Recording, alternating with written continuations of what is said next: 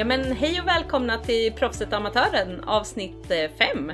Och på denna sidan är det ju amatören Sofia Holm och på andra sidan Proffset, Aminda Ingulfsson. Just det. Ja, hur är läget med dig? Mindre förkyld?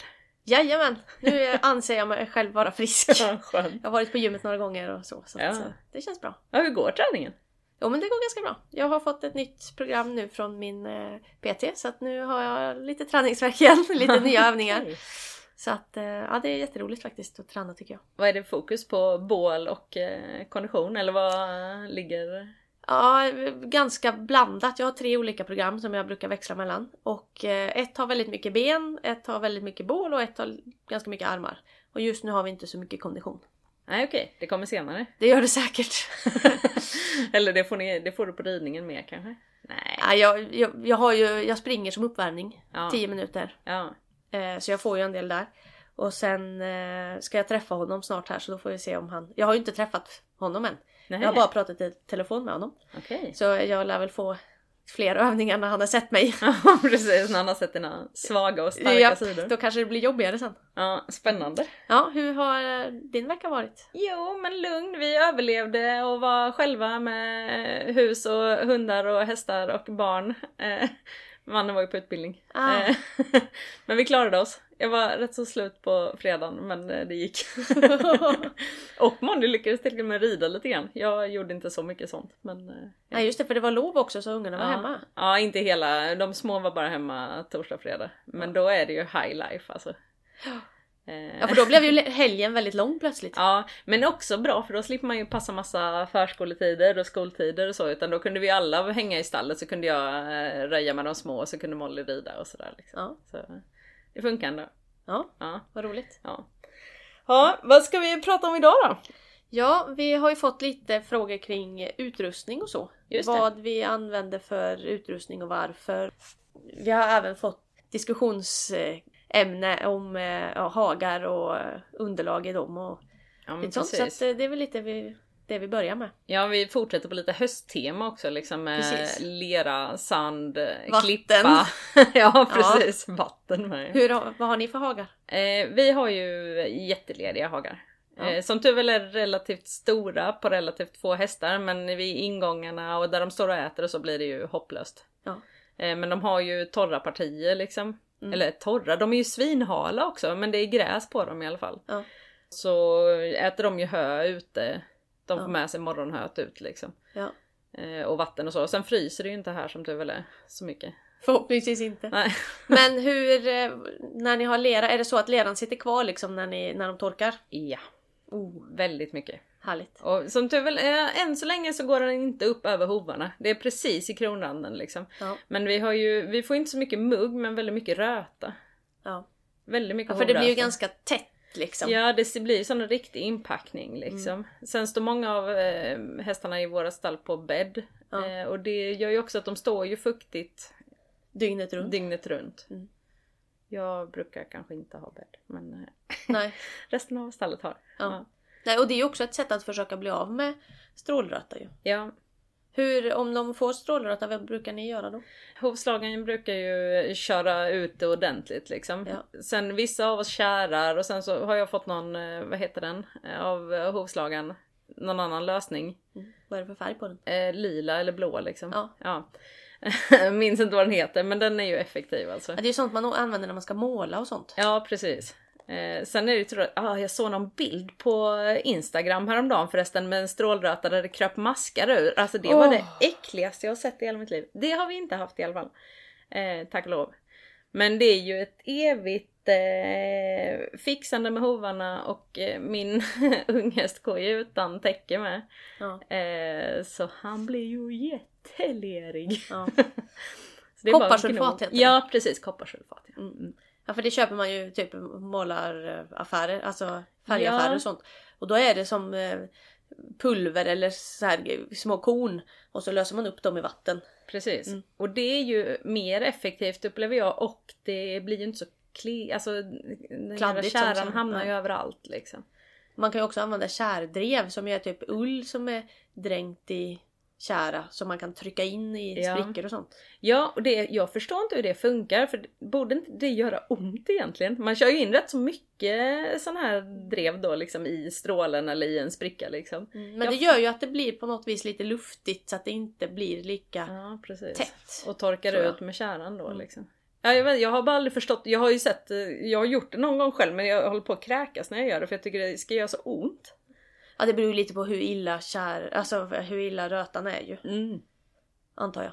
Ja, ja men jag hade någon holländsk häst för många år sedan som kom hem, den hade ju liksom, jag, det kändes ju som man var inne i, till liksom, upp till Karleden typ. Ja. Eh, men det var ju bara att mosa in ett kärdrev och sen, den var inte ens halt liksom, jag Nej. förstår inte hur det fungerar. Eh, men sån, så illa är det ju inte nu, nu är det ju mer att de, de blir svarta och det luktar. Nej och sen också så fort hovslagarna har varit där och skott att man också kan passa på då och vara på det lite Ja. för att det inte ska komma tillbaka. När det är färskt När det är rengjort, liksom. Mm. Och också prata med sin hovslagare vad man ska göra på just den hästen Ja. kanske. Men annars så är ju leran, det är ju väldigt omständigt och jobbigt men hästarna, jag upplever inte att de störs jättemycket av det. De får, har ju inte samma problematik som ni får på sand.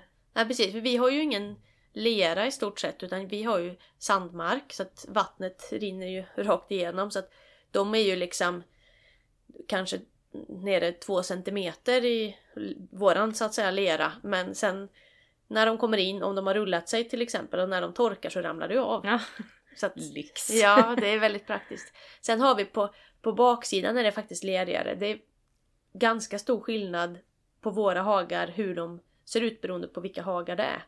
Vissa är ju väldigt torra och fina även fast de är blöta. Mm. Och vissa blir mycket blötare. Jag har ju, den ena sjukhagen till exempel har, står ju nästan under vatten. Mm. För det ligger liksom lite i en sänka. Mm. Och där blir det också lerigare så att det blir djupare. Men det är ju fortfarande så att när de kommer in och torkar så ramlar det av. Ja, det är ju fantastiskt. Mm. Jag flyttar hem till er istället. Ja, du är så välkommen. Sen har vi nackdelen att eh, sandmark ger ju ofta sandkolik och risk för det istället. Så att vi måste ju hålla på med att ge loppfrön och sånt. Ja men och hur var det då? För visst kom ni fram till att det är inte lönt att ge loppfrö hela tiden liksom. Utan man ger det periodvis för att få bästa effekt liksom. Ja, för eh, loppfröna bildar ju en gelé som tar med sig sanden ut. Och sen, jag läste någon forskningsrapport om det där om att om man- ger det hela tiden så vänjer sig tarmen typ och då bildas inte lika mycket sånt där gelé. Nej. Jag kommer inte riktigt ihåg exakt hur det var. Men eh, i alla fall så skulle man ge då en, en kur Mm. en Och viss då ska tid. man ge rätt mycket den kuren Ja, så mycket eller? de kan äta Ja. nästan. Alltså, vissa hästar är ju lättare att få i loppfrön än andra. Vissa tycker bättre om loppfrön, vissa tycker bättre om loppfröskal. Som bara är liksom skalet och det blir ju lite det mer fluffigt. fusk eller? Ja, Ja. det är ju lite fluffigt. Mm. Eh, och vissa tycker att det är jätteäckligt för då blir det bara loppfrön överallt. Mm. Men eh, lite olika för olika hästar. Så att jag har både och liksom så att jag kan Men du Anpassa. brukar ge det ihop med mash, du ger det blött liksom? Nej, jag brukar, mina hästar när de kommer in på eftermiddagen så får de torrmat och då får de sina loppfrön. Mm. Så då får de i sig lite grann. Och sen på kvällen så får de mash. Och då rör jag runt lite grann så att då får de i sig resten. Ja precis. Så att de får det över två gånger. Och så ska man ju inte ge olja samtidigt för olja gör ju att effekten försvinner på... Då blir det inte den här gelén på Ja, samma för de sätt. kapslas in i oljan istället då kanske?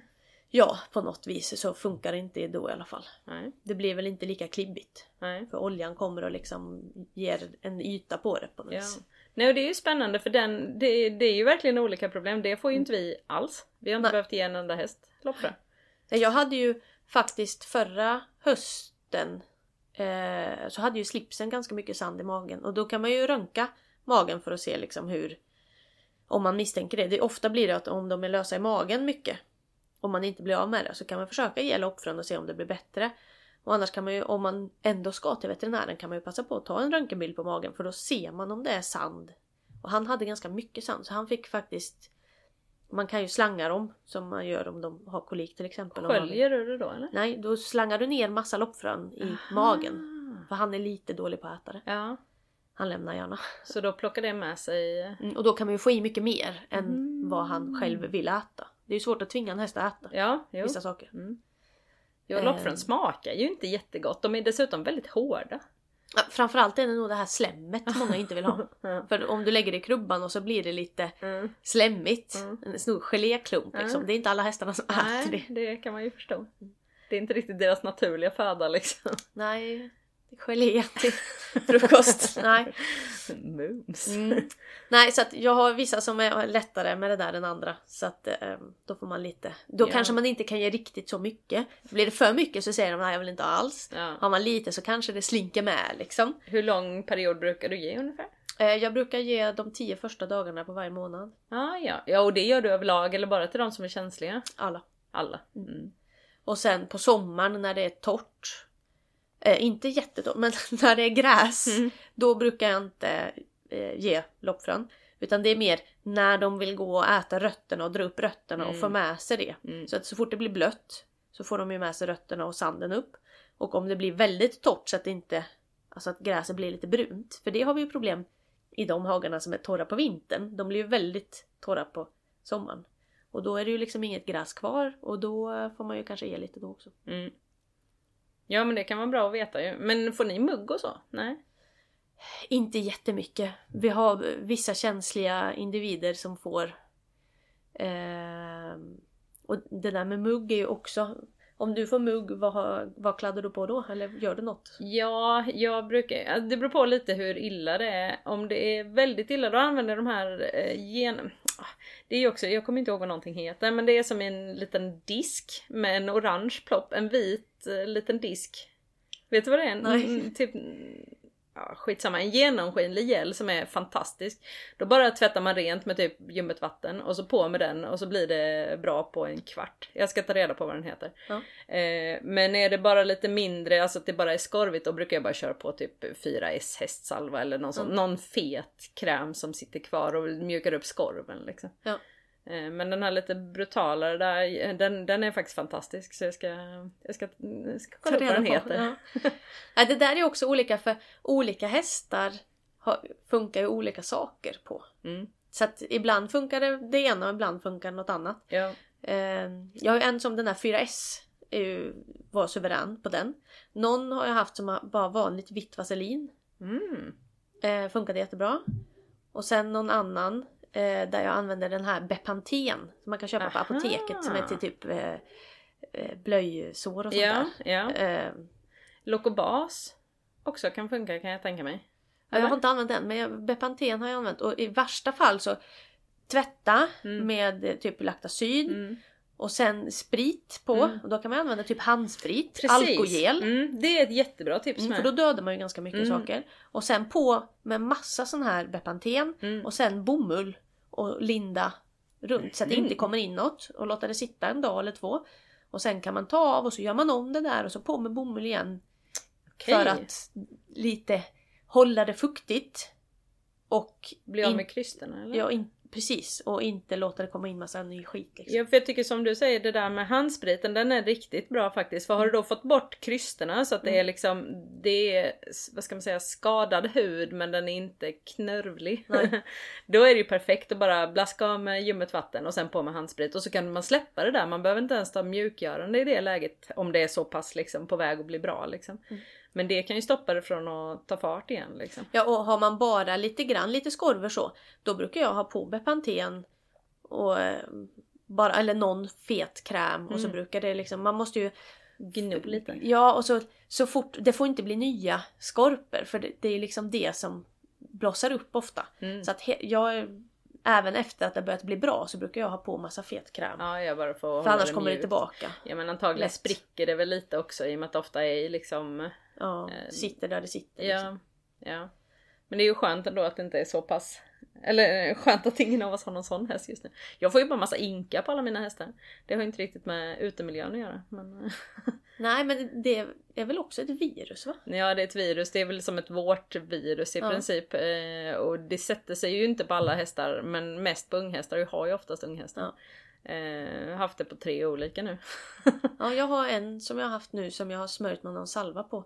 Mm. Och eh, nu är den typ borta. Jag använder ju Exterran. Vad är det? Ja, det är som en liten örtkräm som är vrålstark som man också bara, man tar bara ovanpå Ja. liksom själva Inken. Ja men det kanske är något liknande, jag kommer inte ihåg vad den heter. Det Nej en, det eh, finns ett par olika. liten burk. Ja en liten burk ja. Men den här luktar rätt så illa. Mm. Och jag tror inte den finns i Sverige längre. Nej, jag hade Danmark. Ja men då Mm. är det samma. Då är det nog samma. Ja den är jätteeffektiv. Ja. Eh, så, Och där var det också samma sak. Även om vårtan eller inken börjar ramla av, Mm. fortsätt för, Ja. så att det inte börjar blossa upp igen. Ja, och om det inte är helt borta efter några veckor så kör en omgång till, kör en omgång Ja. till. Bara fortsätt liksom för kroppen till slut, det blir som med vårtor på människor, till slut förstår kroppen att den ska stöta bort det liksom. Ja.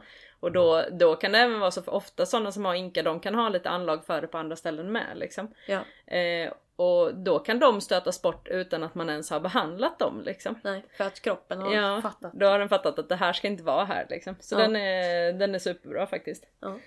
Men du, hur gör du med, med klippning och så? Jag tänker alla dina hästar går ju, ja nu har de ju viloperiod men de kommer ju gå hårt i vinter också. Mm. Hur gör du? Nu har jag ju en häst som är klippt, för det är en häst som är, har kommit igång lite ordentligt. Eh, jag brukar ju inte klippa förrän de blir svettiga. Och det är ju lite, jag rider ju mitt på dagen och då vill jag gärna släppa ut dem igen. Och då är det jobbigt om de är svettiga och det regnar för då vill man gärna lägga på ett regntäcke. Och en svettig häst ett regntäcke blir ju växthus och det blir jobbigt. och sen blir det kallt. Eh, så då brukar jag vilja klippa. Och de flesta hästar klipper jag halvklippning. Så typ från eh, manken och bak eh, mot bakknäna liksom. Kanske lite mitt på magen beroende på vilken häst det är och hur lätt det är att klippa under magen längre bak liksom. Ja men typ som en jaktklippning nästan. Eller? Eh, ja. Alltså, och sen klipper jag aldrig benen. Nej, Ehm, och så klipper, brukar jag klippa ganachen men inte resten av huvudet. nej precis. Mest för att det blir så mycket päls. Ja. Det är skönt att bli av med den. ja men du är ju faktiskt rätt så lite ovanligt sparsam för att vara på den nivån du är. Mm. Det Vilket... finns ju vissa hästar, det beror lite på hur mycket de svettas. Mm. Kotten till exempel, hon svettas alltid väldigt mycket överallt. Eh, Så henne brukar jag klippa, eh, alltså jag klipper inte benen men hela liksom rumpan och så. För att hon, hon har så himla tät päls liksom. ja, ja så hon torkar inte heller riktigt om hon Nej, Men när du säger inte klippa benen, menar du till knäna eller menar du upp till armbågarna liksom? Eller vad man ska säga, ovanför? eh, ja eh, magen, om du tänker magen och rakt Ja ut. Precis. att, eh, ja. Du, Armbågen, eh, armbågen och fram och så, ja precis, baknät bak Mm. liksom. Mm. Varför? För att jag behöver inte klippa benen. Då är det mindre risk för att få mugg och sånt. Ehm, jag ser inget behov av att klippa benen. Större säkerhetsrisk också. Även fast många hästar är snälla så... så ja precis, för ska- den som gör det ja. Mm. så fort du ska börja klippa benen så är det alltid större risk för den som klipper. Så att... Det sparar ju rätt mycket tid med för dig som Oh, har ja. många hästar tänker jag. oh ja. Det går rätt fort att bara ta den. Tjing, tjing, Ja, tjing. och halvklippning går ju ganska fort. ja. Men Så klipper du hela eller halva halsen? Hela. Hela? Så jag är upp typ till manken liksom. Ja precis. Och så har de ett litet ländtäcke och så benen förutom HC. Eh, kotten. Kotten var det. Mm. Ja. Eh, och det där som nu då efterhand som de sätts igång. Nu är det ju några som börjar komma igång lite grann. Och ja, men när de börjar bli att det börjar bli lite jobbigt att de är svettiga och man vill ha dem inne ett tag till för att de ska torka. Då är det dags att klippa liksom, ja tycker jag. precis. Mest av praktiska skäl. Mm. Eh, och jag bry- bryr mig inte om om det är snyggt eller inte. Det är Nej. därför jag skiter i benen. Ja. Det är liksom funktionellt Ja. eh, för mig. Hur brukar ni göra? Eh, nej jag klipper ju faktiskt mera. Ja. jag klipper ju ofta ner till knäna på frambenen Mm. och så till hasen på bakbenen. Mm. Eh, sen kan jag göra som dig, speciellt på ponnysarna lämnar jag gärna rumpan, alltså så att de har ett ländtäcke kvar liksom. Ja. Eh, och så hela halsen. Men klipper Och- du då bakbenen, om du lämnar ländtäcket, har du bara liksom ett ländtäcke och så klipper du liksom ja låret? då kan jag klippa som eh, rakt bakåt så gör jag som en liten båge över virven liksom. Och sen fortsätter jag bak mot rumpan så jag har en, en remsa liksom från då hasen och upp till ja, halva rumpan typ. Ja. Som är klippt liksom. Mm. Eh, så de får ändå rätt så bra. Men vi har haft jättemycket väldigt svettiga hästar. Ja. Eh, och vi har ju också likadant, alltså, och vi har ingen som eh, tar av och sätter på täcken så rider vi på kvällen då måste vi kunna lägga på täcket för natten liksom. Ja precis. Annars måste ni dit på morgonen och då blir det jobbigt. och då blir det jättejobbigt. Jag får inte riktigt ihop den logistiken liksom. Eh, så att de kan ju inte vara svettiga när vi sätter in dem i boxen på kvällen liksom. Nej, då måste ni vänta där till de är Ja. torra. Eller åka dit igen. Ja, så därför så klipper jag faktiskt många också uppe på rumpan för att slippa att de ska vara svettiga. Och så rider vi ofta då utan landtäcke och så, så de verkligen ska liksom flåsa igenom sig. Mm. Eh, och skritta av sig och torka liksom. Ja. Eh, men som treåringen klipper jag ju inte alls även om han blir svettig. Men då har jag ju heller inte täcke på honom så det spelar ingen roll. Skulle han bli lite svettig på kvällen så Hinner det torka? hinner han torka liksom. När, eh, vilken ålder brukar du börja klippa? Ja, men jag kommer nog klippa honom nästa år. Mm. Det är ju som du säger, det är ju för att han inte jobbas på det sättet och jag tycker att han behöver inte täckas. Han ska heller inte, alltså utseendemässigt spelar det ingen roll. Han ser ut som en lurv, nalle. Ja. Men Ja, och det är ju just det, när du börjar vilja ha täcke på dem. Det är Ja. då du också behöver klippa för att ja, de blir svettiga. ja. Ja, och det blir svårt som ponnyn. Hon blir ju väldigt, väldigt trött när hon blir för varm liksom. Man ser på henne att hon blir så här, hon får ju bara som en blöt kappa liksom. Ja. Så därför så klipper vi henne men liksom annars hade hon ju med kunnat gå naken egentligen och med lång päls ute men hon, man märker att hon blir liksom inte, hon orkar inte riktigt när hon blir för... Nej, och så också lite det här med om de har mycket päls och blir svettiga även fast ja men då kanske de kan gå nakna men sen om det regnar så vill man ju gärna ha ett regntäcke på. Ja. Om det ska regna hela dagen. Mm. Vi har ju en ponny i stallet som ju har gått mycket utan täcke. Gullis. Ja, Mm. och han... Eh, om han går ut och det regnar, han torkar ju aldrig. Nej. Han torkar ju aldrig för han har Nej. så mycket päls. Ja, men har inte han lite cushings också? Då får de väl ännu mera... Jo men eh, han... Eh, inte så farligt faktiskt. Men ja, han har ganska mycket päls. Ja. Han är ju också typ 27 så att, Men det måste nog vara väldigt olika för som treåringen där, han torkar på fyra sekunder men han verkar ha rätt så, vad ska man säga, kort och fluffig päls. Mm. Den är inte så kompakt liksom så det känns som att han liksom bara flu och så För det är ju som upp. eh, kotten. Ja. Hon, hennes är så himla tät. Ja. Så att den torkar ju aldrig. Det, det kommer liksom aldrig igenom Nej, något. nej, nej. Men blir hon blöt ända in på då? Ja alltså hon, hon, som sagt hon blir ju så svettig. Hon svettas ju inifrån. Ja. Och sen kommer ju aldrig luften in utifrån så att hon torkar ju aldrig. Nej. Det tar jättelång tid om Ja. hon ska torka om hon inte är klippt. Ja men då är hon säkert lite som ponnyn där. Den svettas också. Alltså den, det bara ryker om hela hästen liksom. Ja och man märker liksom, och hon är ju också en sån, hon gillar ju inte att vara varm. Nej. Hon gillar inte när det regnar. Nej. Så då vill hon gärna ha täcke på sig. Ja. Hon gillar inte att det blir för varmt. Nej. Så om det är för varmt så vill hon inte ha täcke på sig. Nej. Och hur vet man det? Jag tänkte säga, hur visar hon det? Blir hon arg? Går hon runt? Ja men om det regnar då blir hon arg. Ja. Då blir, kan hon liksom fara runt och sparka efter regnet och vara lite jobbig så. Mm. Eh, och när det blir för varmt då är hon liksom, hon ser nästan sjuk ut. Ja. Och så första gången och jag bara, vad är det som är fel? Ja. Och så kände jag, och så kände jag under täcket att hon var väldigt varm. Mm. Och det, hon blir ju fort varm Speciellt jämför om hon med blir de arg med. Ja, om man jämför med de andra. Hon är ju mycket varmare under täcket med samma täcke liksom. Mm. Så då tar man av täcket och då ser man att hon... Oh, Mm. Gud vad skönt. Mm. Eh, så att hon är lite udda men... Ja, men, kommer du ihåg Jasmine jag hade? Ja. Hon började ju galoppera i transporten. Och jag fattade först inte vad det berodde på. Hon var ju stressig och rätt arg i sig själv liksom. Ja. Men då var det ju att hon, hon blev ju varm och då Ja. fick hon panik. Och då började hon springa i transporten Ja, typ. för då blir det ju så mycket svalare. Ja, då blev det så mycket svalare. Ja, men när jag började ta av henne kläderna i transporten så blev det ju, då stod hon ju mycket bättre liksom. Kotten vill inte ha täcke på när hon åker någonstans Nej. heller. Nej, Då är hon lugn liksom. ja. Alltså det är intressant. Det där.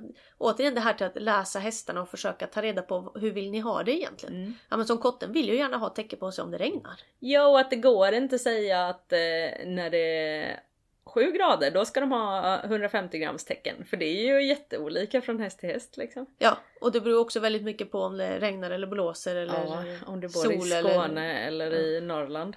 Eh, vad brukar du ha för tecken överlag liksom? Vad är din eh, go-to Alltså jag har lösning? eh, i stort sett bara regntecken. Eh, har de nu. Och jag har ju också så inget täckesbyte utan de står med samma liksom.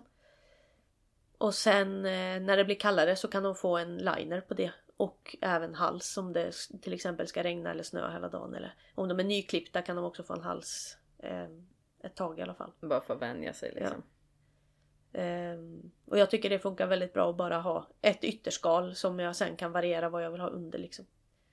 Vad brukar du ha? Nej, jag kör väl lite samma system. Att ett, jag har egentligen bara ett tunt regntäcke och sen så kanske ett 200 grams täcke. Mm. Och så byter jag mellan de två liksom. Och jag har ju Eh, så inga tjocka ju- täcken med, som är utetecken liksom. Nej men det är ju istället för liner då. Mm. Eh, så jag har ju egentligen bara, jag brukar bara ha två täcken per häst. Ett regntäcke och ett fodrat. Och Mm. så får det vara så liksom. Eh, jag vet inte, jag tycker det brukar lösa sig rätt bra.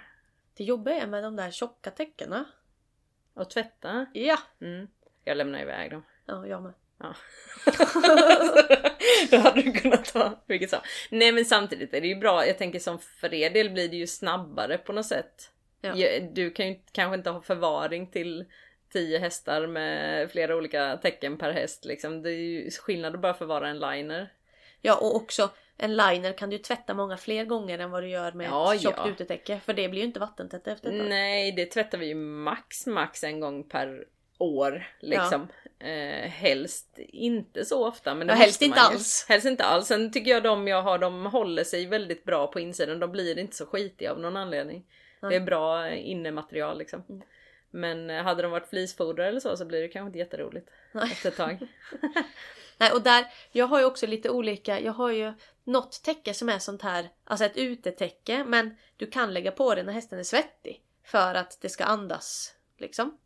Ehm, och det tycker jag är ganska smidigt. Jag har ju då ja, ett sånt täcke som jag kan använda. Mm. Ehm, och det är faktiskt ganska bra. Och så tänkte man i början så här, kommer det här liksom lukta illa efter ett tag eller Mm. hur funkar det här? Men det har faktiskt funkat ganska bra. Sen är ju nackdelen att det är ju typ flis på insidan så att det, det går ju inte att flytta på. Om Nej. du väl har lagt på det så ligger det där. Och nu har det ju faktiskt kommit att det är så här eh, eh, just i bogarna så har du ett annat material så att det kan glida lite för annars har de ju fått bokskav lätt Ja, av ja. det. Mm. Men där har de ju tänkt till lite. Mm. Annars har jag bara sån här eh, hal insida så Ja. att det går att flytta på. Liksom. Ja men jag tycker det gör stor skillnad både för hur skitiga de blir, äh, täckena liksom. Och Ja. hur mycket och lite skav de får alltså. Ja för det där med bokskav är ju inte roligt. Nej. Nej. nej. Framförallt när du har klippt för då blir ju också kvaliteten på pälsen lite Mm. sämre liksom. Mm. Att eh, klipper du efter andra klippningen där sen på våren när du snart ska få ny päls då brukar ju alla skav komma liksom som ett Mm. brev på posten. Jo. Jag minns någon vinter med när det helt plötsligt var, jag vet inte hur mycket snö det var, det var så typ så här 20-30 centimeter här nere i en och en halv månad eller något. Och våra hästar är ju inte riktigt eh, vana vid eh, det. Nej. Och då i skånsk vind och liksom 30 centimeter snö, alltså då var det svårt att täcka. Då tror jag jag hade på den, jag hade då typ så här tre fullfodrade täcken och de stod ändå så här Ja. liksom. ja för det, vinden där Ja. gör ju så mycket. Ja, vind på 10 minus, det blir inte nice för Nej. hästarna. Alltså. Nej det är inte kul alltså. Nej, Och här är nere, svårt. 10 minus i Skåne är väldigt kallt. Det är väldigt kallt ju. Ja.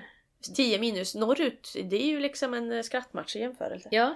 Ja men det är så himla konstigt. Men d- då blir det ju nästan omöjligt för då, ja nej. Ja, för jag är ju ändå uppvuxen med liksom 20-30 minus kan det ju gott vara på vintern men Mm. det är ju inte alls lika kallt som de där 10 minusarna här. nej vad, vad täckte ni hästarna med då? Eh, De fick ha päls och något. Ja alltså jag har ju inget minne av att vi klippte. Det, var, det gjorde man inte så mycket Nej. på den tiden. Och då, det var ju bara ett tjockare täcke liksom för där, det var ju en annan kyla. Det var, Mm. där kunde man ju klä ut kylan på ett helt annat sätt. Ja. Här går det ju liksom bara igenom alla kläder, det Ja. känner man ju själv. Mm. Det var ju någon vinter det var, alltså jag kommer inte ihåg, 23 minus här Mm. nere. Och eh, hästarna i stallet fick inte gå ut för då frös ju vattnet. Så jag tänkte, ja men jag får ut och gå med mina hästar. Alltså det här måste ju ha varit snart 20 år sedan. Mm. Eh, så jag var ute och gick med hästarna. Och så kände jag liksom, jag hade gått kanske 50 meter. Och så kände jag hur näsan liksom bara Det frös ihop upp i Snoret näsan. Ja! Alltså det var så obehagligt. Och sen kände jag, jag hade ändå termobyxor på mig och liksom, alltså massa kläder. Ja. Men jag kände hur kylan bara gick igenom termobyxorna. Och alltså, jag hade gått vadå, 50 meter? Alltså det var så kallt. Ja. Så tänkte jag okej jag måste springa lite nu för annars kommer jag frysa ihjäl. Så jag var ute och sprang med hästarna istället. Vad sa hästarna? Brydde de sig? Nej de... Jag tror inte det. Nej. De var väl bara glada för att få komma ut och röra på sig liksom. Och det är också nackdelen med att bo i Skåne att stallen är ju inte ofta lika isolerade. Nej. För man är ju inte förberedd på kyla på det sättet. Nej, nej. Nej. Alltså, nej, nej. Vatten, vattnet fryser ju på två minuter. Ja, och det är ju jättejobbigt. Ja. Eh, för det är ju väldigt opraktiskt. Och har man otur att det är något rör som spricker liksom så är det ju dyrt Det plötsligt kan jag säga att också. när jag bygger mitt, eh, min, mitt nästa ställe, då Ja. kommer jag att tänka på det. Ja. Sådana här värmeslingor i rören och sånt där. Ja. Oh ja, jag med. Väl isolerat och ja, Ja. Det, kommer vara, det kommer vara bra. Ja, det, vi ser fram emot när vi kan bygga vårt eget stall. kan vi också prata om en, ett Ja. avsnitt kanske, vad vi vill, hur drömstallet ser ut. Absolut. Ja, och om det finns några bra eh, speciallösningar. Jag Ja. har ju funderat på det många gånger. Ja. Nej precis, det där, ja det får vi ägna ett helt avsnitt Ja, till. ja. ja men eh, jag tänker på annan utrustning om vi går vidare från tecken då. Vad... Jag tänker, ja sen, det kan vi också lägga till. Både du och jag är ju i grunden rätt så, vad ska man säga, opryliga. Eller nej. Ja, det spelar inte så stor roll vad vi har för grejer så länge det är bra grejer. Precis, så länge det funkar och funkar för oss så spelar det inte så stor roll om det är det senaste eller det som är mest inne eller det som är... Eh, idag är det ju lite så att man kommer ut på en lokal tävling och barnen har samma utrustning som elitryttarna i världskuppen liksom. Ja. Eh, och det... Jag förstår det. Vi har, många har det väldigt gott ställt liksom. Och man vill lägga mycket pengar på sin sport och sådär men man ska ju också komma ihåg att det är ju inte i prylarna det sitter. Du kan göra väldigt mycket med, alltså Mm. när vi tävlar som unga, vad red vi i liksom? Ja, det är ju så. Jag har ju trends som jag använder på mina hästar fortfarande som jag köpte till den hästen jag typ lärde mig rida på. Eh, 93 kanske? Mm. Köpte jag något trends. Mm. 95, där någon gång. Det har jag kvar. Ja, jag slängde faktiskt ett nu som jag köpte när jag var 14 Ja. för bara ett halvår sedan. Men Ja. det var för att det hade möglat. Ja, men det är bara jo, men. Nej men det var liksom, det var inte bra längre. Det var, eh, det var faktiskt kass. Okej. Annars är det ofta så att någon kanske trillar av eller någon som trampar på någon tygel och så Ja. går det sönder. ja. Sådana grejer som gör att man liksom får slänga saker. ja men det är Om inte det inte så... går att laga längre. Ja, ja, men det är inte så. Både du och jag ser väl rätt så propra ut när vi behöver liksom. Ja. Men, eh, men det är ju ändå, alltså man rider ju inte jättemycket bättre i en sadel för 40 000 än i en för 10. Alltså, jo men det är ju skillnad, du rider ju... Jag gjorde en min här, bara ni som inte Men- ser mig. Aminda rider ju på internationell nivå de absolut svåraste sakerna. Alltså, om... Jag är ganska kräsen på grejer, men jag, jag känner ju också skillnaden. Ja, Känner man inte skillnaden så spelar det ingen roll vilken sadel man har. Man känner ju ofta om det ska ju vara en sadel som passar en själv. Sen Ja. spelar det ingen roll vilken sadel. Jag måste, det var, jag var hos en sadelutprovare, det är några år sedan nu. Eh, jag är ju inte den lättaste ryttaren liksom, utan jag har ändå lite tyngd i kroppen, liksom, speciellt nu efter tre barn. Liksom. Eh, men detta var, detta var faktiskt innan, det var efter barn ett. Ja. Så var jag hos en sadelutprovare som visade stolt upp liksom, en ny variant på sadel. Liksom. Åh, den var så fantastisk och de hade ju skurit ut här och skurit ut där, så den var ju ett halvt kilo lättare att titta på henne och tänkte bara du är ju fan dum i huvudet. Du bara, vad spelar det halvkilot Det för där roll? halvkilot, vad ska det spela för roll när jag rider i en stjärn i fälten? Ja. Och speciellt när jag kanske själv bär på 7-8 extra kilo just då liksom. Så Ja. att, nej, jag vet inte, det blir lite Du tyckte det var lite komiskt? Jag tyckte det var lite komiskt men han var så exalterad över den här sen och jag, ärligt talat den kände jag ingen skillnad i när jag red i gentemot den jag faktiskt köpte liksom. Nej. Eh, och återigen, missförstå mig rätt, jag tycker jättemycket om kvalitet och jätte, liksom, fina grejer men jag menar bara att det går att göra väldigt mycket Ja, fördelen med att köpa en lite dyrare sadel är ju att begagnat priset är ju ofta ganska bra om man vill sälja den och byta den. Mm. Sen behöver man ju inte köpa en ny sadel. Man kan ju faktiskt köpa bra begagnade och då dalar ju kanske priset ännu mindre. Eh, och framförallt då de här som är lite yngre som växer. De behöver ju kanske byta sadel en gång om året för att de drar iväg på längden. Mm. För det ser ju jag ganska ofta mina elever. Oh, de har köpt sadel och det är så bra. Ja, och sen kanske de drar iväg ordentligt och sen kanske redan ett halvår senare så börjar sadeln bli för liten. Mm. Eh, och då är det lite jobbigt. Ja, ni kanske borde byta sadel. Igen! Mm. De bara Åh. Ja. Men då har de kanske investerat i en sadel som de kanske får tillbaka Ja, nästan lika precis. mycket. Mm. Jo, det är ju en jättesmart grej Mm. också. Men vad rider du? Vad väljer du? Du, vad har du? Vilka typer av sadlar har du förresten? Jag har ju tre olika sadlar. En dressyr, en hopp och en terrängsadel. Mm. Eh, och jag vill ju helst ha singelkåpa. För det har jag vant mig vid. Nu har jag faktiskt min hoppsadel är dubbelkåpa men med långa stroppar så att jag har kort sadeljord. Eh, och det har jag ju på den som är singelkåpa då. Då är det ju också långa stroppar med kort sadeljord. För jag tycker jag kommer liksom närmare hästen. Eh, och sen är det ju lite skillnaden då på hoppa terrängsadeln är att terrängsadeln är mer framskuren för att jag ska kunna ha kortare stigläder. Annars är de faktiskt ganska lika. Mm. De två sadlarna.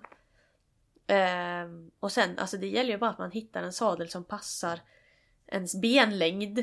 Det är ju ofta det som är issuet. Eh, och sen också hur bred man är, alltså höfterna. Ja, i bäckenet. I bäckenet liksom, hur bred man är. Man ska ju inte ha en sadel som är för smal för då blir man instabil. Man ska heller, inte ha en som är för bred för då hamnar man ju liksom Det blir ju Ja, jobbigt. Då får man ofta, ja, Mm. och då får man ofta ont i höfterna till exempel. Ehm, och där finns det ju bra hjälp att få för att hitta rätt. Liksom. Men sen paddar du, du har egentligen... Och jag har ju tre sadlar Ja, som jag använder på alla hästar. Ja. Eh, och nu har jag ju turen då att jag kan ha dem på, på faktiskt alla hästar. Men jag paddar ju lite olika. Någon kanske jag får padda upp fram, någon kanske jag får padda upp bak och någon bara rakt över liksom. Och är det så att sadeln ligger bra så kan jag ju rida utan padd men jag kan också ha till exempel en fårskinspadd bara för stötdämpningens skull liksom. Jag är ju inte som Peder, han har ju inga paddar alls för det ska ju vara så lätt som möjligt. Ja. Han räknar ju gram istället Just för det. kilo. Ja, precis. Han hade gillat den sadeln. Ja Nej. precis, han har ju någon sån här lättvikts Ja. som ska väga ingenting Ja. också. Så. Jag förstår det när man är på den nivån, Ja. men när man är en glad amatör liksom så Han blir har det också så här. plockat av skorna för att de väger för mycket. ja, så att, ja, Ja, precis. Men det är på den nivån. Så att eh, ja, för gemene man så spelar inte det någon roll. Liksom. Nej, Det är inte det som avgör om hästen kommer över ett hinder på 80 cm eller inte. nej, Till exempel. Nej. Det är Antared du rider med nu? Ja, jag har Ja. Antares eh, både sadlar och sadeljordar och lite träns och Ja. så. Ja, det är ju Eh, och hjälmar faktiskt. skinn. Just det.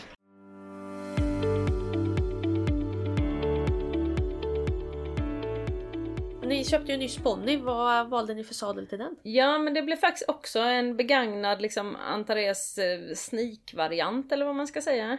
Eh, jättesöt, alltså den billigare varianten som de har. Eh, jättesöt liten sadel. Ja. Mjuk som smör. Ja. Men eh, dubbelkåpa och sådär, väldigt eh, enkel En vanlig hoppsadel, Ja. Eh, och själv rider jag i en Amerigo som jag köpte billigt av en vän. Mm. eh, som funkar bra. Ja. Ja det där, det, man ska ju hitta det som passar en själv. Liksom. Ja. Och jag är ju ganska kräsen. Eh, just det här med hur det ska vara. Alltså jag är ju värsta mardrömmen till sadelutprovaren för jag säger nja, lite si, ja, lite så. Men han lyckades ändå hitta något som jag kunde ha. Så att, eh, ja, Men det är ju bra. Mm. Det är bra. Men eh, om vi går vidare på lite utrustning. Vad eh, använder ni till exempel? Martingall? Eh, så lite som möjligt. Mm. Eh, Molly vill gärna ha det för hon tycker det ser fint ut. Ja, Martingall och förbygel och så vidare. Eh, nu plockade vi av martingallen för den behövs inte överhuvudtaget. Förbygeln behövs inte heller, sadeln ligger jättebra. Ja. Men den, den gör ju heller ingen skada om den sitter relativt Ja, om den sitter bra så. Ja. Mm. Eh, och själv kan jag använda, alltså det beror lite på vilken häst. Rider jag unghäst som är lite hetare så är det klart jag kan slänga på en martingall. Mm. Eh, och förbygel har jag i terrängen bara för att sadeln inte ska glida liksom. Ja. Eh, men överlag är det inget som jag använder jättemycket liksom. Nej, eh, jag har ju också plockat bort martingallen på alla hästar faktiskt. Mm. Eh, jag har en som går med förbygel eh, i hoppningen och terrängen. Framförallt i terrängen för att... Nej, jag har två i terrängen. För att sadeln inte ska glida liksom. Det är De så är pass lite- liten då, du har inte det överlag på alla liksom. Ja, Det beror lite på hur stor mage de har. Om den stoppar upp sadeln eller inte. Ju mer välslimmade de är, ju mera konformade är de ju. Ja, och då, då, blir eh, man bröstkorgen störst. Ja. Precis, så då får man ju sätta på något kanske för att hindra att den glider bakåt. Jag tänker också dina magplattor är väl rätt så bra med. Ja, de fångar ju också upp lite Ja. där. Liksom. Trendsmässigt då? Något speciellt som du... Jag har ju pullarnosgrimma på typ alla. Mm. Jag gillar det. Det liksom klämmer inte på kinderna på samma sätt som en uh, aschengrimma eller så. så att, Har du det även i dressyren? ja. Ja, jag är dum. Jag gillar dem och sen använder jag micklem mycket, speciellt på unghästarna för jag tycker bettet ligger så fint i det. Ja. Eh, och sen, alltså jag kan ha en vanlig engelsk i dressyren bara för att jag tycker det ser fint ut men jag knäpper ju knappt dem. Nej. Så att det är, ja, det är Nej, jag, fick en, jag fick en kommentar här på senaste internationella tävlingen jag var på. Då har man ju alltid bettkontroll efter dressyren och då hade jag ju HC med sin, eh, sitt Antares Trends.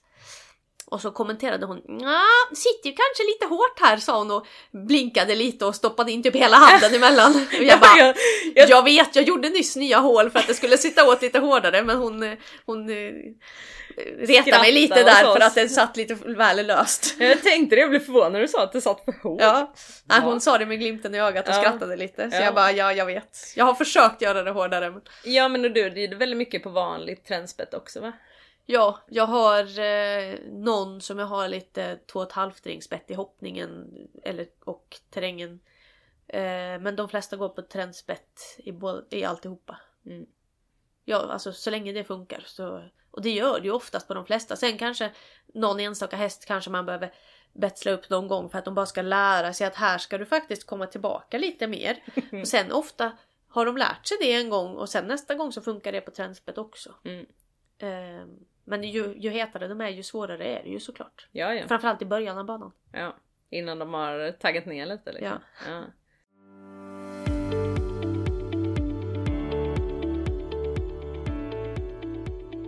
Men du, vi har ju också veckans häst. Vem eh, har vi den här veckan? Den här veckan har vi Olle. Nu börjar vi komma ner på unghästarna. Eller? Ja, han är, heter Carsino. Eh, uppfödd av eh, Jana Vannius. Ägs av eh, mig och eh, Helena Gunnarsson Hästklinik AB. Som är min veterinär. Och, Det är en bra delägare. eller hur? Smidigt. Smart. Hon äger alltid det som eh, inte fungerar. Om han skulle råka ha ont i magen så Det är äger hon magen. del. Har han ont i ett ben så är det hennes ben. Ännu Eh, bättre. Ja, ja. Men i alla fall. Eh, han, vi köpte honom förra året. Han är nu sju år, blir åtta. Och eh, gjorde lite snabb karriär ändå måste jag säga förra året. Eh, eller detta året på fälttävlansbanan. Han hade bara gått hoppning innan upp till 1,10. Eh, gjorde då några H90 och några H100 och avslutade med att debutera tvåstjärnigt. Och var faktiskt placerad alla sina starter utom debuten i tvåstjärnigt där han var första utanför placering. Det är ju bra jobbat. Ja. Också i och med att det känns ju som en häst som behöver tänka efter lite liksom. Så då är det ju väldigt snabbt jobbat på något sätt. Ja. Och han är ju lite, lite stor och lite gänglig och behöver ju hitta sin hitta kroppen liksom, hitta hur han hänger ihop. Eh, så vi har jobbat väldigt mycket med dressyren på honom. Eh, hoppa hus kan han. Ja jag tänkte Eh, säga det, det känns som att han kommer kunna hoppa hur högt som helst. Ja, och han kommer kunna springa hur fort som helst. Ja. Och han är ju riktigt smart. Vi var ju uppe hos Johan Lundin och tränade.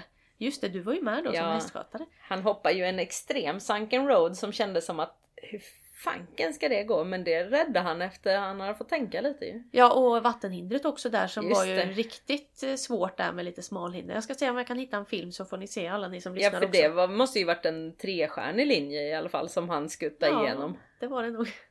Den Nej, var så inte det- lätt alltså. Eh, Tanken med honom nästa år är ju att han ska gå tvåstjärnigt och sen eh, kanske trestjärnigt på slutet av året. Men nu, nu har det gått ganska fort detta året så nu får han vara kvar i tvåstjärnigt ett tag tills han liksom känns som att han kan det.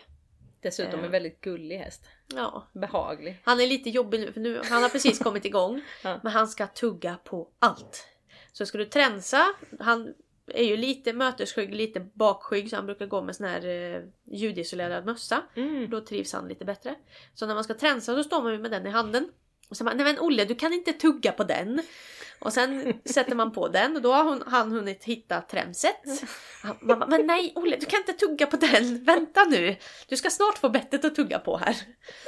Så han älskar att stoppa saker i munnen. Ja, det är bra. Ena uppbindningen är utanför hans box och bara Var är kroken till den här uppbindningen? Olle! Var har du tagit? Ligger den i din box eller? Men vi hittade inte kroken så att jag vet Nej, inte. Kan vara så att någon har bockat ut den också. ja, ja. men eh, tar han av sig benskydd och sånt också eller är det bara... Alltså han har ju inte stått med benskydd liksom. Han har ju Nej, bara precis. det när man rider. Ja. Så att, eh, Det vet du inte. nej, det vet jag inte. Jag misstänker eh, att han skulle kunna börja tugga på tecken och sånt. Ja, ja. Om han kommer på det. Du får sån stopp, stopp och bit då. Ja, antibitspray. Ja, ja. Och jag har ju en sån här spray. Och ibland så råkar man spraya och då ska man inte ha munnen Nej. öppen. Mm. Ja det är så äckligt. Ja det eller den man tar och sen råkar man klia sig på läppen liksom över munnen Ja, och eller det- någonting. Mm. Ah, det är så beskt och äckligt. Mm. Usch. Alla som har bitit på naglarna vet hur det smakar. För det smakar som det fast gånger hundra. typ. Eh, men jo, du skulle tävla någon i helgen. Ja, eh, HC ska ut och tävla lite hoppning efter vilan här. Vi ska till Helsingborg och rida 91,15. Ja. Det fanns inget däremellan. Det var ju skumt. Eller hur? Varför då? Jag vet inte. Men jag tyckte det var jättebra för då kan hon få titta av sig i 90 utan att det är så högt och sen kan hon gå en 1,15 Ja, som egentligen är lite mer hennes nivå liksom. Ja. Ja, ja men vad bra. Och sen nästa tävling tänkte jag att hon får gå, om det går bra nu, 1,10 och 20. Så att då blir ja. det lite mer hennes. Men nej jag tycker jättebra där med den där 90 för då kan hon bara liksom Ja. Hon är ju lite spänd när hon inte har tävlat på ett tag. Hon behöver ju ut ganska mycket. Mm. Eh, Så det, det blir nog jättebra. Ja. Men ni ska också ut va? ja, det blir en... eh, Jag tror hon landar i att rida lätt, D, lätt C för det var någon halloween cup. Det är ju konstigt. Halloween är ju slut. Ja, ja. På, eh, på lördag. Eh, annars så fanns det nog sån här lätt C plus där också. Men jag, tror, jag tycker det är jättebra att hon rider lätt D, lätt C. Så det blir bra. Vart ska ni? Eh, Trollaholm. Så det blir alldeles, eh, alldeles lagom. Ja. Så det blir en eh, trevlig helg. Så får hon väl ta en sån där enkelklass sen efter det. Bara ut och rida typ en eh, lätt C plus eller lätt B. Ja. Eller något. Sen vill hon ju gärna träna lite terräng för dig med så vi måste boka in det med någon, någon dag. Ja, nu, vi hoppas bara att det inte fortsätter regna Ja. så mycket för det blir lite blött. Ja. Vattenhindret är väldigt, väldigt djupt just nu. Man kan eh, dyka där nu tror jag. Ja, nu känns det som det har regnat varje dag i två veckor. Ja. Ja. Så vi hopp, med hopp om bättre väder. Ja, så kanske vi hinner någonting innan jul. Ja. Vi hoppas ju på även om hon får ju såklart välja vad hon vill men det hade varit kul om hon tyckte fälttävlan var roligt. Ja, du vill gärna det. Ja, det är mycket mysigare att vara ute och tävla fälttävlan än hoppning av någon dum Ja, det är mycket trevligare. Ja. Det var ju som jag pratade med någon som hade varit på hopptävling. Mm. Och där var det just det här att de hade pratat med någon utställare som hade varit på någon hopptävling och som Mm. hade med sig massa grejer. Och Mm. hon hade frågat men varför har du med allt det här liksom? Även om de glömmer något så måste de kunna köpa. Men kan de inte låna varandra? Låna av varandra? Man lånar ju inte ut till konkurrenterna heller. Det gör man på fälttävlan. Ja, jag bara nej. Jag har lånat både spö och hink och jag vet inte. Och jag har lånat kavaj, Ja, eh, nummerlapp, ja, sadeljord. ja. Alltså man har ju glömt ganska mycket genom åren. Jag tänkte hur mycket har du glömt? Ja, det här var, det här, nu pratar vi 20 år här liksom. Ja. Kavaj, då åkte jag till Vinslöv och då kände jag inte så många. Så jag fick låna, till dressyren lånade jag kavajen till Tobias Grönberg.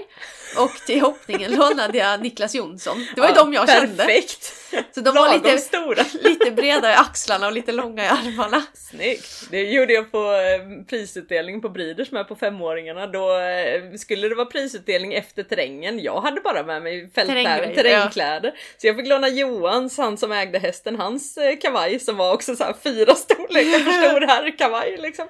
Bara, ah, kul att ha det här förevigat. Ja just det. Ja, jag slapp i alla fall bli förevigad i detta. Apropå att bry sig om prylar. Men, Nej, precis. Ja. Mm. Nej men hörni, nu hinner vi faktiskt inte mer idag. Vi eh, återkommer helt enkelt nästa vecka. Ja, Så, och vi säger som vanligt, vi finns ju på Instagram, eh, proffset och amatören.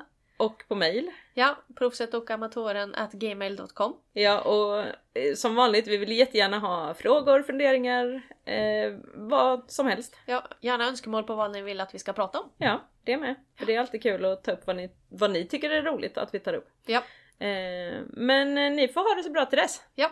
Ha det så bra! Hej då!